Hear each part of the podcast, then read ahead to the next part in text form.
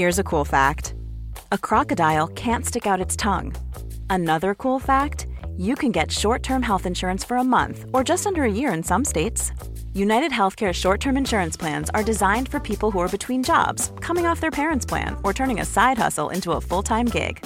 Underwritten by Golden Rule Insurance Company, they offer flexible, budget friendly coverage with access to a nationwide network of doctors and hospitals. Get more cool facts about United Healthcare short term plans at uh1.com.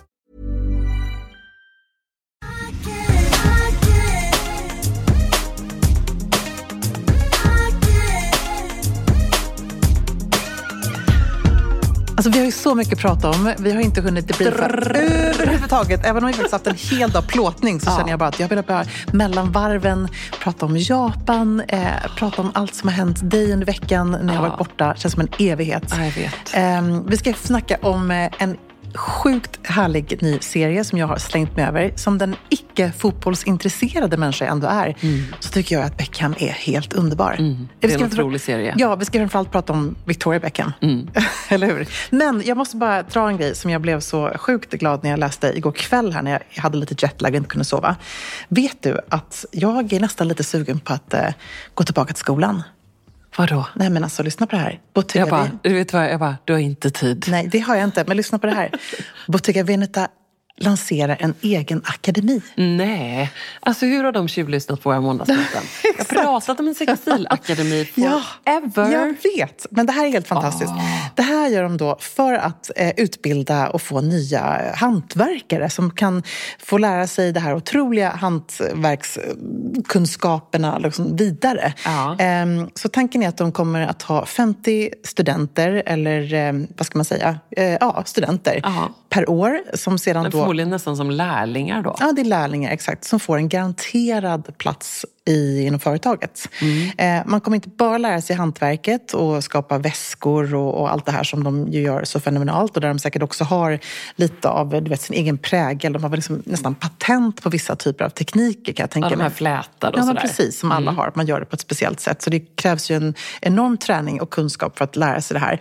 Men man kommer även få kurser inom marketing och mycket, mycket annat. Så jag tror då att om man nu kliver in i den här Bottega Veneta-akademin så kan man landa ett väldigt spännande jobb eh, inom bolaget. Och de vidareutbildar även redan anställda. Ja, jag tänkte säga det, för att det måste ju finnas många eh, gummor och gubbar där. Ja, precis. Som liksom kanske kan ha potential ja, men... eh, göra ännu mer. Exakt, och nu så är det här då i deras ateljé i Montebello Vincentino i norra Italien. Mm. Bland annat där man kommer få eh, kliva in och eh, sätta sig bakom skolbänken. Eh, men det som var lite spännande... Vad tänker du? Vilken... Vad skulle du valt? Nej men alltså jag hade ju typ velat lära mig hur man gör en väska kan jag känna. Ah. inte det liksom helt fantastiskt? Det här alltså, de har en masterclass som ska ledas av Ruggero Negretto. Och han är en person som har varit inom bolaget forever, verkligen. Ah. Den här gubben som du pratar om. Ah. Men det som är så fascinerande med det här är, eh, jag har ju läst tidigare om att andra modehus har haft olika akademier. Men eh, nu har det liksom då befäst det här att eh, både Prada, Fendi, Todds Group har då sina egna trainingakademier. vilket är så smart, för det är ju någonstans någonting som gör att man behåller de här talangerna inhouse och får dem att känna att de kan klättra. Men jag blev ändå väldigt imponerad. Men otroligt ja. spännande. Jag säger också så här, eh, att eh, Bottega får scouta på Inchems väveri. Men våra duktiga ja. vävare kan de glömma. Nej, men det är det jag menar. Men någonstans, du... Jag har ju verkligen grottat ner mig i detta eh, eftersom vi då har eh, jagat just eh, vävare mm. Eh, i hela Sverige med omnejd. Ska jag säga. Varit i kontakt liksom, med, förstås med, så här, man börjar med Arbetsförmedlingen. Ja. med, liksom, försökt att höra mig för i Boråstrakten, lokal allt. Eh, därför att eh, vi, nu har vi ju grymma eh, medarbetare som jobbar där. Men när vi började så vi behövde ju fler. Liksom. Mm. Så det, var, det har varit verkligen... Jag förstår att de gör detta, mm. så ska jag säga. Och vi har ju också då i en lärlings... Det finns i Leksand tror jag det så finns det sån hantverksutbildning där det bland annat finns då liksom glasblåsare ja, och den här typen av gamla svenska ja. hantverkstraditioner. Men jag vet att andra som jobbar med detta också är så på jakt mm. efter det här. Mm. Och det som är intressant i allt det här, eh, varför jag tar upp det också för att eh, Dels så tänker man ju, det är något som slår en, precis som du säger här nu med, med ert eh, väveri, att det här är någonting som jag tror vi i Sverige har varit väldigt stolta över, ett, kun, ett mm. kunnande inom just olika hantverksområden. Men jag tänkte det, och det blev så tydligt när jag var nu i Tokyo i Japan, att där är det ju ett hantverkskunnande som är helt fantastiskt. Vi var i um, en stadsdel i um, Tokyo som är liksom eh, en, av de äldsta stadsdelarna som först och främst inte blev bombade men som inte särskilt många känner till som heter um, ja, det är Netsu-området som är liksom fantastiskt. Uh, och där sitter det små tanter och gör uh, nudlar i små liksom, nästan käk, du vet, små skyffen verkligen. Små super mini, mini, mini butiker. Jag träffade en man som jag köpte en jättevacker träsked av och han berättade att han var tredje generationen som gjorde korgar av bambu. Eh, men då tänker man ju då när man går, när jag promenerade genom den här gatan och, och pratade med, just med Amori om den här känslan man fick att det här slår ju allt annat. Alltså AI kan ju bara slänga sig i väggen när man mm. ändå får känslan av den här otroliga... Man bara, AI, ja. gör en korg i bambu. Exakt. Eh, och det får inte försvinna. Det var det jag kände. Nej. Och då blev jag också glad när jag då läste den här nyheten att just det, Bottega Veneta går ut och aktivt med att så här, vi har en akademi. Ja. För det är det som är hela grejen. Att jag tror att de här stora modehusen inte riktigt har pratat om det här så mycket tidigare. Man kanske har scoutat lite inom eh, modeskolor och annat. Att det finns den här möjligheten eh, att bli liksom, eh, praktikant eller lärjunge. Eller man, mm. lär, lärjunge. blir väldigt, väldigt lär, lärling är väldigt jetlagd. Eh, men att jag tror precis som du säger med ert väveri, att det är inte lätt idag att hitta talanger. Nej, det är inte det. För det finns många så som har ett så intresse och har det som sin hobby kanske. Men man ska också med ett hantverk verkligen vara redo att dedikera all sin tid åt det och inte ge sig. Därför det är inte... Eh, det ska ju vara det är ens yrke. Mm. Samtidigt tänker jag så, här, så fantastiskt att om man är då intresserad av liksom, eh att du vet, jobba som keramiker eller glasblåsare eller eh, vävare med mekaniska vävstolar på Insjöns väveri eller med brodyr för mm. den delen, med vår så, brodyrmaskin som ju grymma Kiki eh, bemästrar, men inte jag kan man säga. Mm. eh, så tänker jag så här, vad roligt också. Det är lite mm. som vårt jobb. Det... Att, eh, då får man ju faktiskt jobba med något som är kombinerar många av ens intressen. Ja. Tror att många som söker sig till sådana jobb kanske har, liksom, då har man dels ett lite mekaniskt intresse intresse och intresse av att jobba med händerna. Men också förstås här för färgform och mm. textil ja. och textur och sådär. Men också att man blir riktigt bra på en sak. Det som jag brukar tänka på med folk som ja. brukar på att laga mat. Att vara så här också ett hantverk Ja, men det är också ett hantverk. Att vara så sjukt bra på att laga mat. Mm. Det är liksom fantastiskt. Tänk på Adam och Albin, våra grymma liksom, ja, superkockar eh, som är så jädra bra på det. Och att det mm. finns ett vi för övrigt hann äta lunch idag, hur lyxigt var det? Ja, på Mischu Mashu. Det var lite mm. härligt. Nej, men också, det är en, en, eh, ett kunnande det också i sig själv. Men jag blev väldigt tagen av hela den här eh, kreativiteten och kunskapen som har gått generationer just när man fick uppleva det här och se det med egna ögon i Japan. Ja, men vad, berätta, vad var han med med? Jag vet vi ska prata om en eh, stilikons otroliga stilresa och vad exakt som vi plockar ja. med oss av Victoria Beckhams eh, ikoniska looks till idag. Ja. Eh, men om du måste välja alltså, tre saker som var de bästa? Um, ett kan jag bara säga, att resa med sin partner utan barn. Nu låter jag hemsk som säger det här, men jag kan faktiskt Nej, säga Emilia. samvete. Du, jag vet vad, jag är så glad ja. över att höra det här. För jag har ju i stort sett bara rest med barnen tillsammans med Marie. Vi var borta max två kvällar ifrån barnen i hela liksom, barnens liv. Så jag kände att nu var de liksom stora Alltså två nätter? Ni har varit borta kvällar? Ja, vad, vad sa jag för någonting? Två kvällar? Ja. Precis, två, Ni har varit borta på middag? Ja, men det varit. Oh. Dygn, bortresa. Det lät också lite ja. religiöst. Ja, precis. Men barnen var ju liksom i chock när jag säger att vi ska resa bort från måndag till söndag. Baltasar var så här, är det ett skämt? Att han kunde inte förstå det. Men det måste jag med att säga, att det är underbart att få vara på en resa med sin partner, för att känna att man har oceaner av tid eh, att prata och göra massa härliga saker. Eh, Hur lång tid tog det innan du liksom så släppte ner axlarna? Jag släppte ner axlarna på flyget. Oh, vad härligt. Det var fantastiskt. Jag tog ett glas champagne, mm. lutade mig tillbaka och bara tittade på Marie. Bara, raklång? Raklång, exakt. Det var ju en härlig business class. Men, och så bara tittade jag på Marie. Och vad hade du på dig? Ja, men jag hade på mig eh, mina Ebba Sports leggings, Åh. eh, love them. Och så hade jag en svart viringad crewneck från Softgoat, min kollektion. Din egen? Ja, Gud, som släpptes den här veckan. Precis, ja. Så mycket att prata om som Och sagt. sjalen, som sagt, som också passar väldigt bra till det här. Ehm, och sen så, nej, och... eh, Vilken sjal då? Den svarta? Den svarta med grått på. Mm, så Lite fint. Mm. Är så fin. Eh, nej men det var så härligt och vi bara satt där och hade så mysigt. Amri tyckte att det var liksom, eh, också sjukt lyxigt att hinna sitta och kolla på liksom, film och titta på varandra. Och bara så här, du vet, man kollar på samma film. Det brukar vi Alltså, göra. det är Vi så lite lyxigt. Nej, det är så härligt. Ja. Det brukar vi också. tycker jag är jättetrevligt. Ja. Det enda som jag kan tycka då när man reser utan barn är att man inte vill sova någonsin på flyget. Nej. Vilket man ju bör göra. Men hur som helst, när vi kommer till Japan så är det ju, man är ju lost in translation sekunden du kliver av flyget. Eh, och du kastar dig in i den här enorma pulsen av eh, eh, neonljus, eh, ljud, dofter, allt sånt där. Jag tar med mig, min andra takeaway är att jag bestämde mig på flyget faktiskt att den här gången ska jag inte vara rädd för nya smaker. Jag ska inte säga nej till en enda matutmaning. Jag blir alltid utmanad av Amori som ju är matnörd och är supermatintresserad. Så han hade ju bland annat bokat in oss på en krabbrestaurang där man skulle äta allt ifrån krabban och en stor del av krabban var helt rå. ja, så när jag då får... Alltså jag får för mycket känslan av att en krabba är en spindel. Ja, men- Bara som det är Ja. när jag äter krabba. Och nu så kanske man då, eh, man lyssnar på det här, kanske man känner att det här är absolut fruktansvärt om man är liksom djurfantast. Take it away. Ja, det, det, det är som brutalt. Vi kan prata om i- griscaféet sen så kommer djurfantasterna gilla det lite mer. Ja, det är så brutalt i japansk eh, matlagning. För att det kommer in en stor sån här king crab. Det är bara sex personer i den här lilla speciella krabbrestaurangen. Eh, och han visar då, åh, big crab, sådär så. Så man tittar på krabban är som då? lever, den väger fem kilo. Åh, Det är som herregud. en enorm spindel. Jag tänker liksom marstrand. Men nej, det... nej, nej, det är en enorm king crab, en enorm spin, äh, spindelkrabba liksom, med stora ben. Och sen så tar han ner den och så säger han sådär att... Och då bye. lever den? Då lever den. Bye, bye, säger han till den så här. Och vi bara, "Nej, men nu skämtar han, jag kommer inte göra det framför oss. Och då så bryter han av benen in action. Låt alltså, det låter Nej, så det var så brutalt. Alltså det var så Ja. brutalt. Då kände jag bara så här.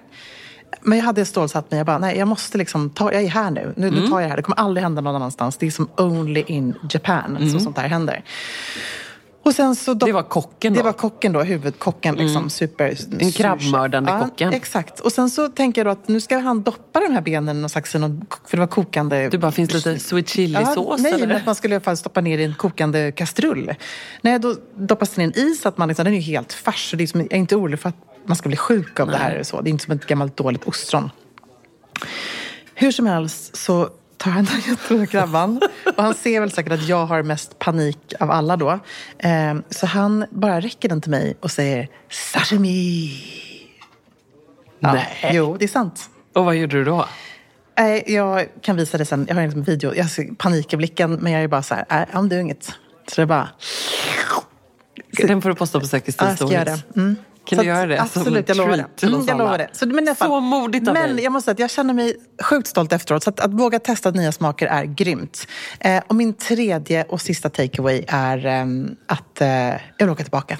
Ah, underbart. Men, men eh, du kan ju inte då eh, lämna oss utan att berätta om när vi i hela Säkerstils eh, underbara alla-grupp får en liksom bildregn med er och massa griskultingar. Det var nämligen kanske det märkligaste vi har fått i vårt flöde. Och det är ändå Ja. en hel del som cirkulerar i Ja. Säkerstils alla-slinga. Det kan vara allt möjligt där. Ja, allt Nej, möjligt. Amori har ju verkligen drömt om att antingen få en miniget eller en minigris. Han pratat om det här. Han är ju besatt av grisar. Det, är, det var första jag gav till honom tror jag var en liten grisskulptur. Någon sån här liten, som jag köpte i någon whatever, souvenirbutik. Mm. Han älskar ju då små grisar. Eh, och jag har ju bara tyckt att det här varit så bisarrt. Så att när jag läser om att det här griscaféet har öppnat upp Mini Pig eller vad det är för någonting. Du ser ju här, det är liksom ett enormt flöde av grisar. Eh, så tänker jag att jag måste gå dit med honom. Is it picking me or what is it doing? Oh, yeah, he's De här picking två me. smackar liksom. alltså, är det grisarna? Ja, där, ja. Höra. Ska se om jag har något mer här. Och, och alla klättrar ju på Amri, det var också väldigt roligt.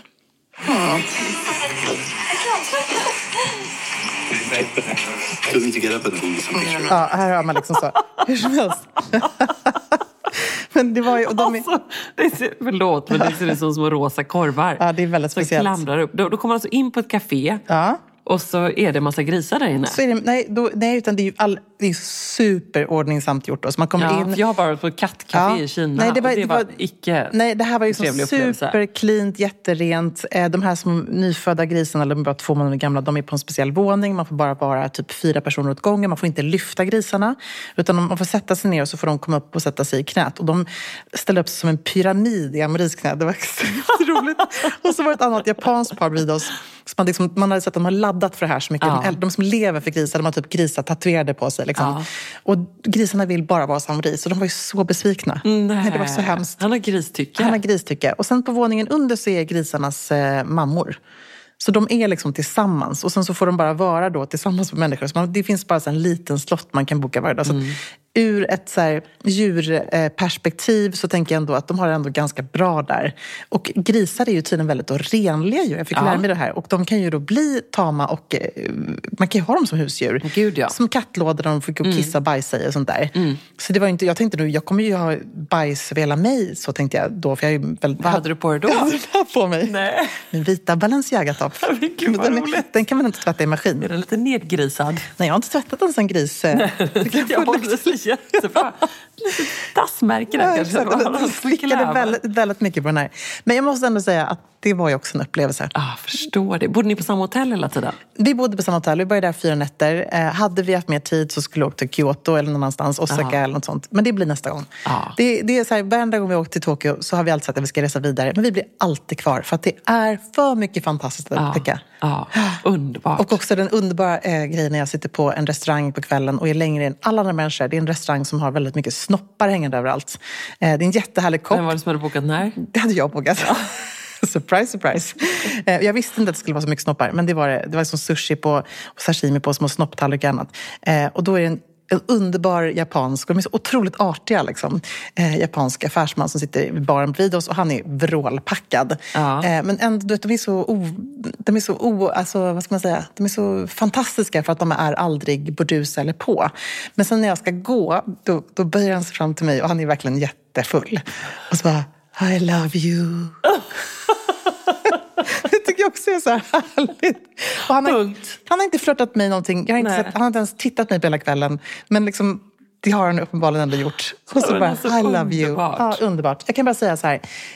Om liksom, man ska bara ta till sig något av det jag har bladdrat om nu så är det, bladdrat om nu, så är det att Åk det här är något dit. som man Sätt måste... upp det på din bucket list. Ja, man måste uppleva det. Ja, nej men jag, jag känner ju Ja. One size fits all seems like a good idea for clothes until you try them on. Same goes for healthcare. That's why United Healthcare offers flexible, budget friendly coverage for medical, vision, dental, and more. Learn more at uh1.com. Alltså Emilia, plisserat, 3D-printade blommorna, blommiga prints, volanger. Man drömmer ju sig bort, men man behöver inte drömma. Nej. För att här har vi nämligen de ljuvliga plaggen från Stockholm Studios nya kollektion In Full Bloom hos MQ naturligtvis, som är partner i Säker Stil-podden. Och det är så perfekt för det är ju festsäsongen snart som Ja. drar igång. Och Märker blir, man i inboxen. man blir så sugen och därför så har vi valt ut några favoriter från den nya Stockholm Studio-kollektionen som Mm. är helt perfekta. Och jag måste börja med den 3D-printade blomstertoppen. Den är så härligt lyxigt krämfärgad och sen så behöver man bara styla den till liksom ett par schyssta klackar, ett par härliga slacks. Jag tänker kanske på krämfärgade byxor eller en Ja. svart byxa, ett par jeans till och med. Och sen är man redo för fest. Verkligen. Jättefint i jeans. Tänk också så perfekt, du vet, man liksom bara gör ett snabbt byte. så På med fint. den toppen så är du klar. Sen så älskar jag matchande set och det finns i flera varianter i kollektionen. En favorit är förstås det rosa plisserade setet med ärmlösa toppen och den här midilånga kjolen. Tänker jag, slänger man på ett par eh, Jenny-sandaletter i silver. Sen är man klar för en hel kväll. Och förstås också den svarta blusen, kjolen med de här volangdetaljerna. Man gillar ju volangerna man gillar ju Ah. det. Och nu sitter jag här och pratar, men jag säger också att gå in på mq.se så ser du allt detta underbara som vi pratar om.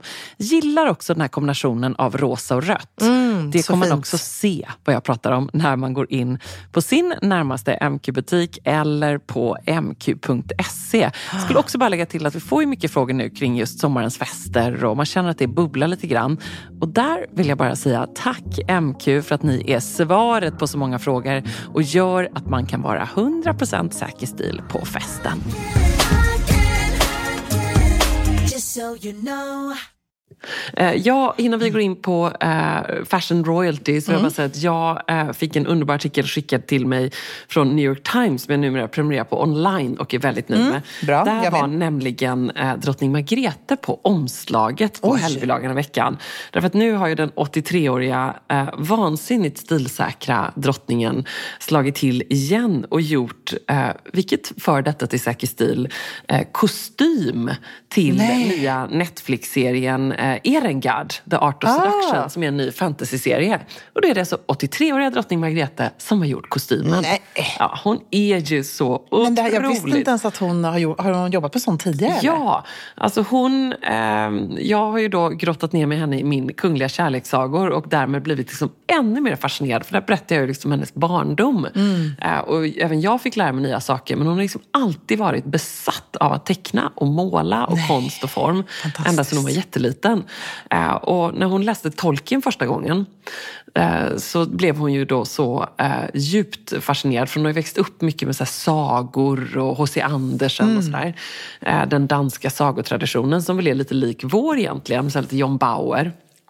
Eh, och när hon läste den första gången så blev hon så inspirerad att hon såg liksom miljöerna och eh, allting framför sig som hon var tvungen att sätta sig ner och teckna. Eh, och så skickade hon det till författaren, eller skickade sig via förlaget. Förlåt, men alltså, det här låter konstigt. Kan inte ni skicka det här? För jag är så tagen av den här berättelsen. Och så fick hon då sen illustrera en, hennes illustrationer användes Wow. till en av böckerna. Så hon är ju verkligen begåvad. Ja, hon har haft konstutställningar på Mm, eh, Valdemarsudde här i, i Sverige och sådär. Och så har hon också gjort kostym till eh, flera av den kungliga danska ballettens uppsättningar. Jag hade ingen aning om det här. Vad är häftigt. Otroliga. Snövit tror jag är en sån uppsättning. Eh, Det kan vara Nötknäpparen eller någon annan liknande juluppsättning.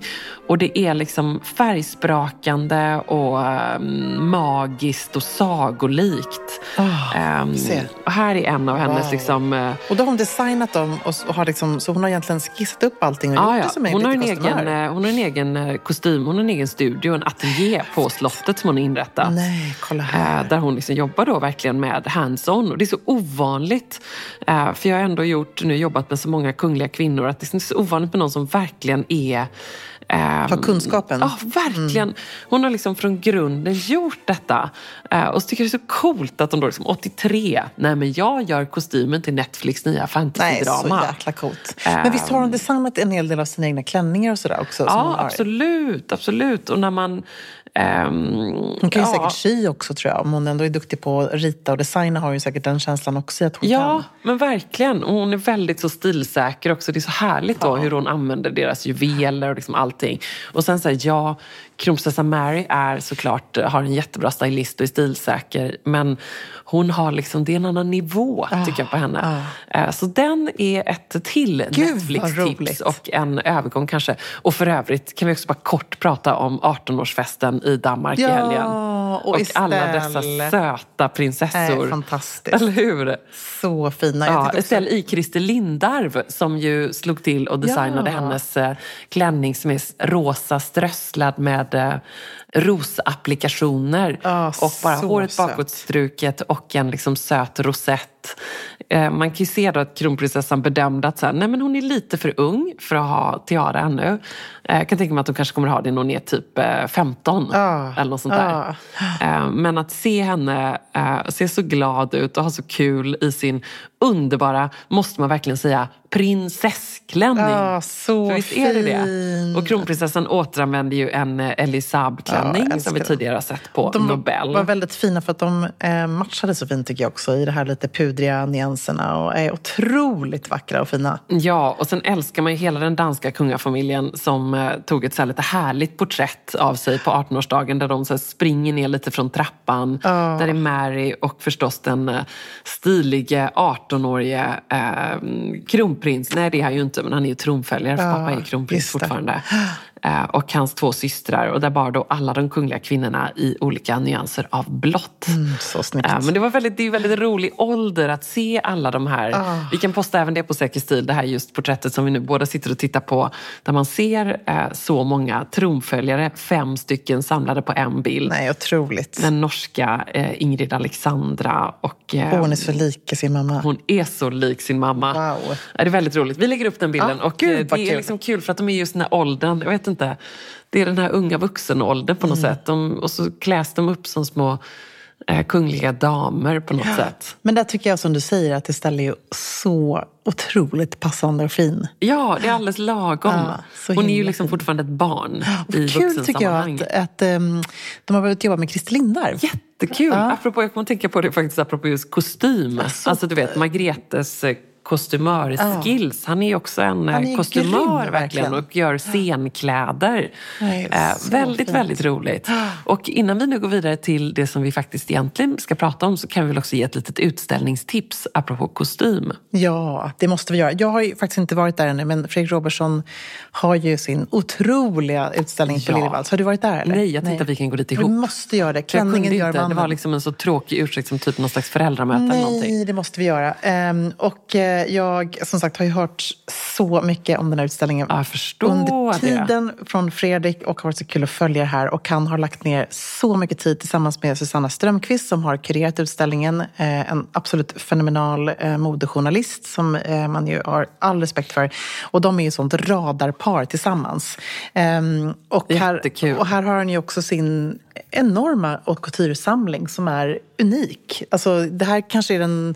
Det har varit otroligt pampiga modeutställningar tidigare men jag måste säga att jag tror att det här är någonting alldeles, alldeles unikt. det är också kul att det är personligt. Ja, verkligen. Väldigt roligt. Ja, vi, vi Man måste gå dit. Och den, den, alltså den pågår ju till februari tror jag. Så Ja. om man nu inte är... Vi kanske ska ha en liten Säker stil-grej där. Det måste vi ha. Det Det vore jättekul. trevligt. Så kanske han kan berätta lite själv om Ja, det. det hade varit så roligt. herregud. Kanske vi Mycket- kan ha tioårsjubileumet. Ja, mycket Mm. roligt. Gud mycket. Men från en stilikon till en annan.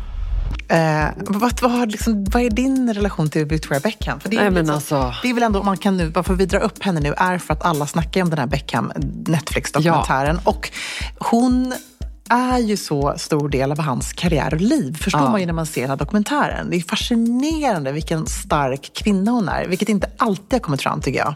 Serien som också vi, framförallt Johan måste säga, genast kastade sig över hemma i fyra delar och har släppts på Netflix.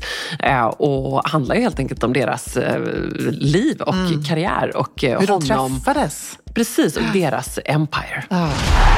Tonight we bring you the story of how David Beckham became a global phenomenon. My manager kept saying, try and keep it under wraps. So we would meet in car parks, and that's not as seedy as it sounds. Classy. Victoria och eh, David Beckham träffades ju 1997. De liksom förlovade sig ganska snabbt, 98. Fick barn typ så här 2000 tror jag. Eh, Det gick så fort, deras kär- kärlekssaga bara liksom eskalerade. Och jag tycker det är så fascinerande att se, han erkänner ju verkligen att så här, han blev ju, för det här är ju något som jag är lite fascinerad av, hur man som idrottare någonstans måste vara försiktig med sin liksom, prestationsförmåga när det kommer till så här, kärlek och andra grejer som kan Oh, yes. distrahera en. Tennisvärlden, många Ja. exempel just nu. Men han blev De verkligen- skaffar någon flickvän och sen så Ja, dalar rankingen. Och det var ju precis det som hände honom, att han blev verkligen otroligt distraherad av sin kärlek till henne.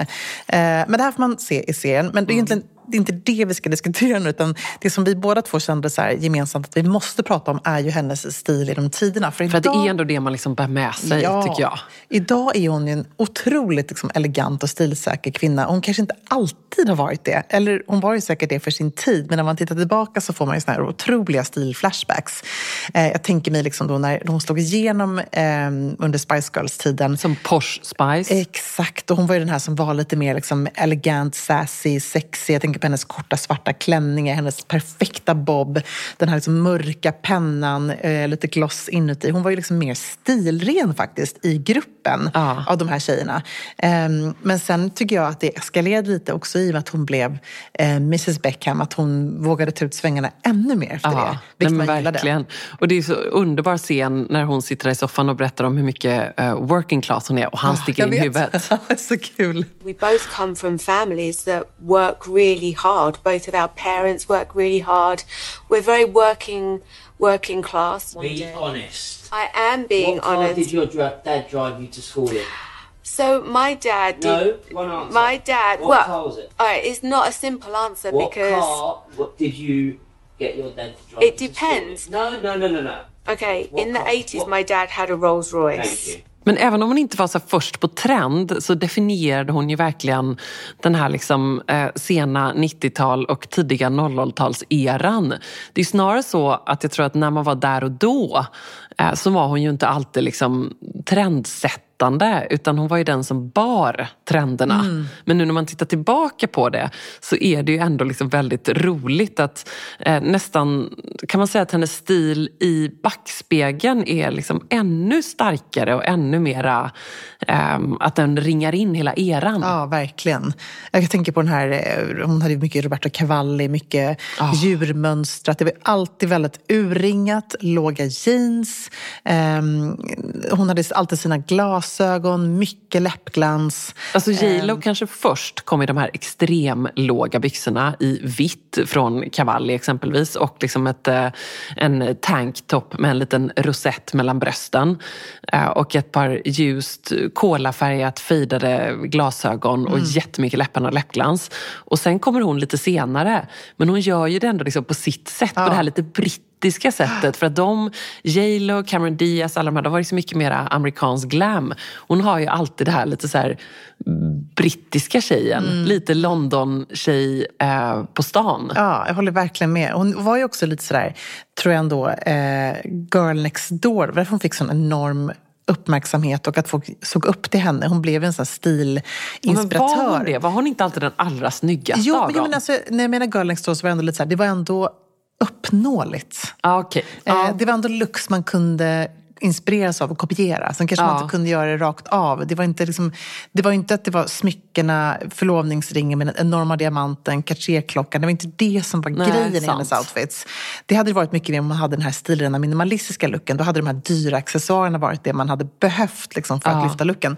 I hennes fall så kunde det vara en supporter, liksom, linne, en, Ja. en kepa, eh, en tanktop, eh, du vet, ripped jeans, pilotbågar. Ja, Det är ändå och så väldigt, hennes liksom eh, magra frame och eh, eh, boobs till det på något sätt. Och så det här linnet. Hon var ju liksom verkligen eh, footballers wives eh, stilidealet Ja, också verkligen. förstås. Mycket löshår.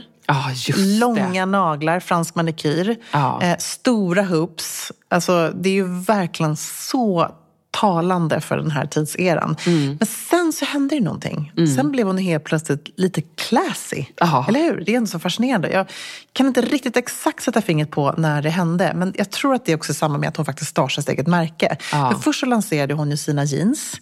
Eh, Victoria Beckham jeans som var den där stora loggan på bakfickan. Som också var väldigt låga, utställda. Jag kommer ihåg att jag hade ett par sådana. De var liksom verkligen så här mega heta. Mm, det var lite så i svallvågorna av eh, Citizen of Humanity, Ja, Seven exakt, och precis. MIH Ja. och så. Alla de här jeansen. Och då rynkade man ju lite på näsan åt detta Mm. och tyckte så här, gud nu ska hon göra ett eh, jeansmärke med Ja. sitt namn på. Och det var lite förväntat kan jag Ja. tycka. Att jag tror ingen kände att man fick respekt för henne som designer eller ledare av ett liksom, brittiskt modehus. Men sen så tror jag att hon var extremt smart och eh, kalkylerande och kände så här, hur kan jag liksom få det här att bli så jäkla bra och tajt? Så att hon tog in ett superbra designteam. Eh, Roland Moret var väl, ryktas väl ha jobbat med henne. Jag vet inte om det har liksom någon Ja, blivit, det var ju väldigt mycket snack om det. Men att han var den som verkligen satte den här liksom siluetten. Det var ju hans siluett och så vidare. Men jag tror att hon typ också läste en artikel då, back in the days, att hon dementerade det här. Ehm, men då var det ju mycket de här liksom fodralklänningarna, lite asymmetriska skärningar, snygga svepande byxor, eh, tajta överdelar eh, som hon verkligen bemästrade, som hon bar själv. Och jag tycker de senaste fem, sex åren har hon ju verkligen varit snyggare än någonsin. Ja. Eh, även om man kanske tycker att hon ibland är det lite smalaste laget, om man får säga det. Eh, där säger han också i någon intervju att det enda han tycker är tråkigt, han älskar ju att äta David Beckham och upptäcka ny mat. Men hon har ätit samma sak i 25 år. Och det är grillad fisk, grönsaker och lite frukt, men inte för mycket säger hon, för då kan man bli lite bloated. Alltså man orkar Nej, så inte. tråkigt. Hon, Ja. hon hade inte haft kul i Japan kan jag säga. En annan nyckel till att hon verkligen lyckades gå från så här footballers wives, massa löshår, massa gloss till den här liksom, eh, fashion-personligheten som ju faktiskt fick ändå ganska snabbt erkännande. Ehm, det var nog att i mixen av att så hela tiden eh, gå någon slags modellgång, stirra rakt ner i gatan, se jättesur ut med stora mörka solglasögon och typ så svarta eh, jättelösa kostymbyxor för att allting bara sitter jättelöst på henne i och för sig. Eh, och en så här svart sidentopp till det här. Det var ju liksom superminimalistiskt. var också att hon alltid liksom ändå har mixat in en liten så här sälta av humor i det. Eh, och jag vet, du har ju följt den länge på Instagram. Där märker man ju det så här, att lite eh, så självironi, alltså det är lite brittiska. Tänker jag på den här Fashion Stole My Smile t-shirten. Jag vet, så jävla klockrent. Som ju kom då 2018. Eh, och, och det var ju liksom, tyckte jag, det tycker jag eh, sammanfattar. För att då var ju det så här, en av de vanligaste googlingarna, det var ju så här, how come Victoria Beckham doesn't smile? Ja, just det. Eh, och då blev det en grej. Och sen fick hon den frågan i alla intervjuer och folk var så här, hon har sneda tänder, hon har bruna tänder. Det, det är något fel. Hon har inga tänder. Nej. Alltså det blev liksom en jättegrej. Eh, och vad gör hon då? Då bara äger hon det. Eh, och har den här vita t-shirten med stor svart text och ser jättesur ut. Och skriver då, fashion stole my smile. Nej, men det är så Och underbart. det tycker jag så här, jag tror att det är hennes, jag tror inte att det också är en viktig ingrediens. Jag tror helt säker på det. Jag tror också när man följer henne på Instagram så har hon ju den här lite eh, skruvade brittiska humorn. Ja. Vilket, den är så jäkla rolig. Alltså, Ja. Hon driver ju med faktiskt sig själv men också driver hon väldigt mycket med, med David Beckham på ett väldigt så här, härligt sätt. Eh, nej, men jag håller Och det med. är ju verkligen någonting som är så härligt att det får komma fram i den här Ja. Serien. Och jag tror hon kommer Man vill ju ha vinna ännu mer av det. Ja, man kommer vinna, hon kommer vinna så himla mycket på det. Eh, att just så här, ja, poke fun of herself helt ja, enkelt. ja, he- helt, jag håller helt med. Vi... Och hur skulle hon hantera det? När det var den vanligaste frågan hon fick hela tiden. Skulle hon så börja le hela tiden? Det blev ju så här, Nej. vad gör man? Men det var ändå så spännande i att hon, att hon ändå hade den framtoningen, att hon inte log så mycket. Nu såg jag när hon gjorde sin senaste visning här i Paris, så var det någon som la upp en video på henne och var så här, åh, Victoria Beckham kommer in och tar emot applådtacket med så här varm, härlig eh, eh liksom output. Som att det vore då lite ovanligt. Ja. Men det kanske också har att göra med att hon är blyg. Jag tänker så här, hon kan ju vara en person, även om hon är megakändis, hon har, vad nu har, 35 miljoner följare, 31,8 miljoner följare på Instagram. Alla Ja. vet vem hon är. Hon är liksom ex-superpopstjärna och nu liksom en fashion darling. Mm. Bygger ett beauty-imperium, det ska man inte heller glömma. Just att det. det här är något som verkligen håller på i omsättningsmässigt ta över eh, hennes eh, ready to wear.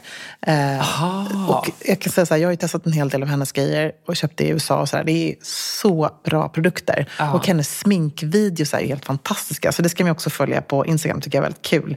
Eh, när hon liksom gör de här på ett så här skönt, coolt, härligt sätt. Men sen så måste jag också säga att när man börjar titta på hennes eh, egen privata personliga stil på sista åren så är det ju någonting man kan verkligen bli inspirerad av. Eller jag kan bli det. Eh, just för att hon får till det här liksom, stilrena, enkla men att det alltid har en liten sexy twist. Mm, sant. Att det är lite edge och lite vasst liksom, i det här eleganta någonstans. Eh, ska vi dra några Victoria Beckham Ja. Inte lika vanligt att se henne i det här, men jag tänker ändå vi börjar med det för det är så himla härligt. När man ser henne bemästra color blocking. Eh, jag- minns en look som jag blev helt kär i, det är nog för några år sedan, då hon hade ett par kleinblå sidenbyxor, eller såna här liksom riktigt eh, härliga eh, kostymbrallor och en tomatröd stickad tröja till. Ja. Eh, kommer ihåg den looken? Ja, det var liksom gud, ja. all over. Hon satte också den här mixen som vi pratade om i podden och hyllade. Eh, turkost och rött. Oväntade färgkombinationer. Gult och rött. Och så har hon en knallgrön väska till det. Eh, så hon har ju alltid liksom kört eh, ganska vågade färgkombinationer. Och hon går ju verkligen aldrig utanför sitt hus utan solglasögon. Nej. Det är första gången man typ ser hennes ögon i den här Beckham-serien. Ja. Eller hur? Det är ganska så här striking. Och går hon eh, utanför huset utan solglasögon, då har hon ju ofta den här, liksom, hennes ikoniska, eh, väldigt liksom, likadana eh, sminkning, vilket jag tycker är så jäkla snygg. Med raka brynen, eh, väldigt markant eyeliner, alltså sotade ögon med liksom, hennes härliga krämskuggor, antar jag. Eh, liksom brungrått. Så hon har ju liksom också identitet i sin makeup. Ja, verkligen. Hon kör ju inte en Verkligen. Pamela Anderson och går liksom makeup free. Eh, det kommer vi nog aldrig riktigt se henne i. Nej. Men hon, har liksom en, hon är stark på något sätt i det hon gör.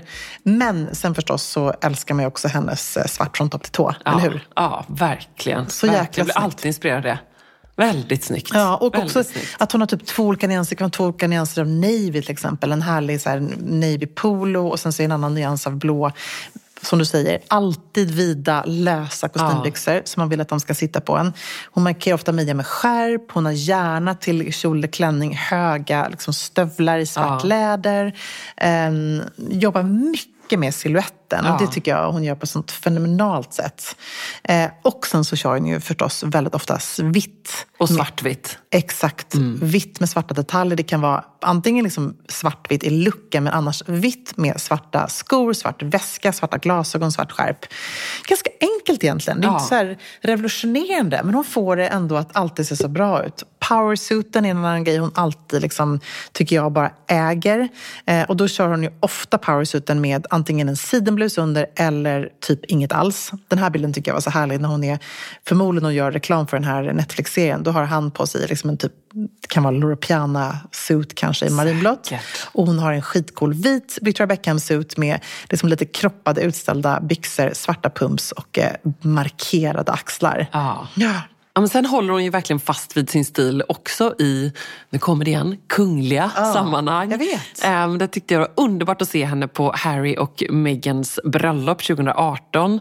eh, där hon då hade en superstrikt men ascool vadlång klänning klar i mörkblått. Eller var den svart? Ja, den är- den är. Ja, den var mörkblå. Ja, precis. Ehm, och så förstås ett par liksom vallmoröda klackar till det och så härliga slitsar på ärmarna.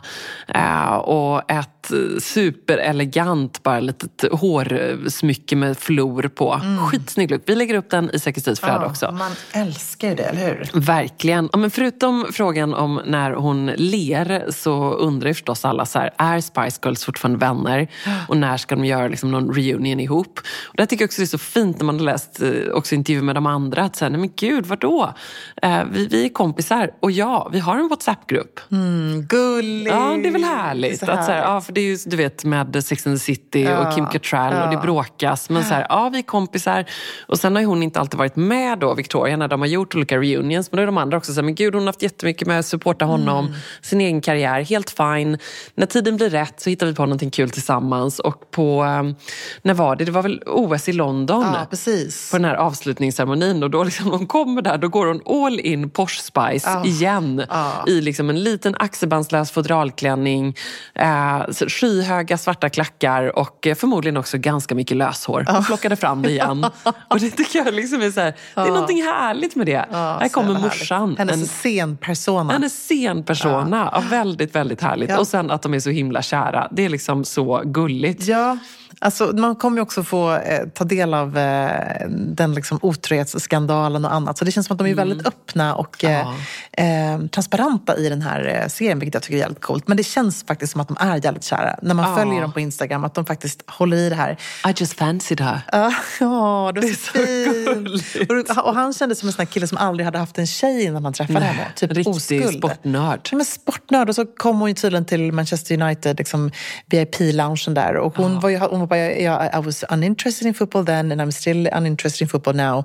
But I was interested in David. Och så kommer hon dit och så går hon raka vägen fram och säger någonting skitkul. Han bara så här, hon var den roligaste människan någonsin Ja, träffat. och så Helt står han med sin mamma och pappa också. Jag Var vet, då? jag vet. Så gulligt. Och så blev han liksom kär vid första ögonkastet. Ja. Nej, men det är ju lite som så Justin och Britneys eh, denim-look. Ja. Om de hade hållit ihop.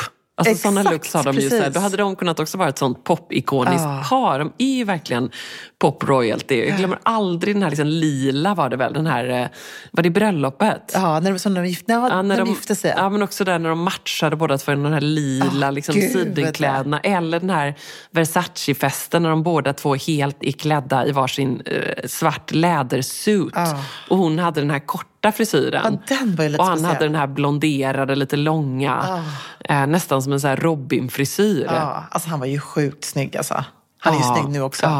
Nej, men, Stilig eh, kille. Ja, ja, men han, vet du vad? Jag skulle säga att jag tycker inte han är sjukt snygg utan han känns Nej, gullig. Ja. Nej, men han, är- det är ju fortfarande så här, det var ju, Han är en gullig lad-kille. Ja, men det tycker jag för sig var lite kul, för det tar han ju också upp att han har ju själv haft ett genuint modintresse. Ja. Ehm, så när han tjänade sina första pengar så det första han gjorde var att han köpte designerkläder.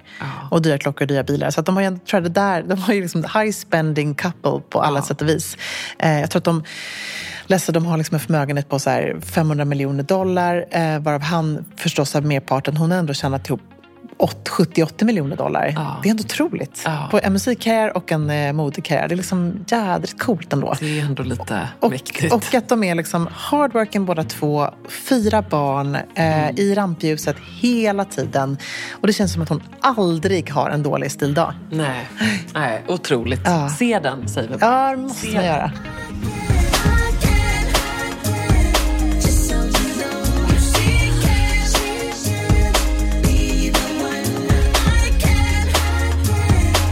so you know. Hey, it's Paige DeSorbo from Giggly Squad. High quality fashion without the price tag. Say hello to Quince. I'm snagging high-end essentials like cozy cashmere sweaters, sleek leather jackets, fine jewelry, and so much more. With Quince being 50 to 80% less than similar brands. And they partner with factories that prioritize safe, ethical, and responsible manufacturing. I love that. Luxury quality within reach. Go to quince.com slash style to get free shipping and 365 day returns on your next order. Quince.com slash style. Imagine the softest sheets you've ever felt. Now imagine them getting even softer over time. That's what you'll feel with Bowl and Branch's organic cotton sheets. In a recent customer survey, 96% replied that Bowl and Branch sheets get softer with every wash. Start getting your best night's sleep in these sheets that get softer and softer for years to come. Try their sheets with a 30-night guarantee. Plus, get 15% off your first order at bowlandbranch.com. Code BUTTERY. Exclusions apply. See site for details. Hi, I'm Daniel, founder of Pretty Litter. Cats and cat owners deserve better than any old fashioned litter. That's why I teamed up with scientists and veterinarians to create Pretty Litter. Its innovative crystal formula has superior odor control and weighs up to 80% less than clay litter. Pretty Litter even monitors health by changing colors to help detect early signs of potential illness. It's the world's smartest kitty litter. Go to prettylitter.com and use code ACAST for 20% off your first order and a free cat toy. Terms and conditions apply. See site for details.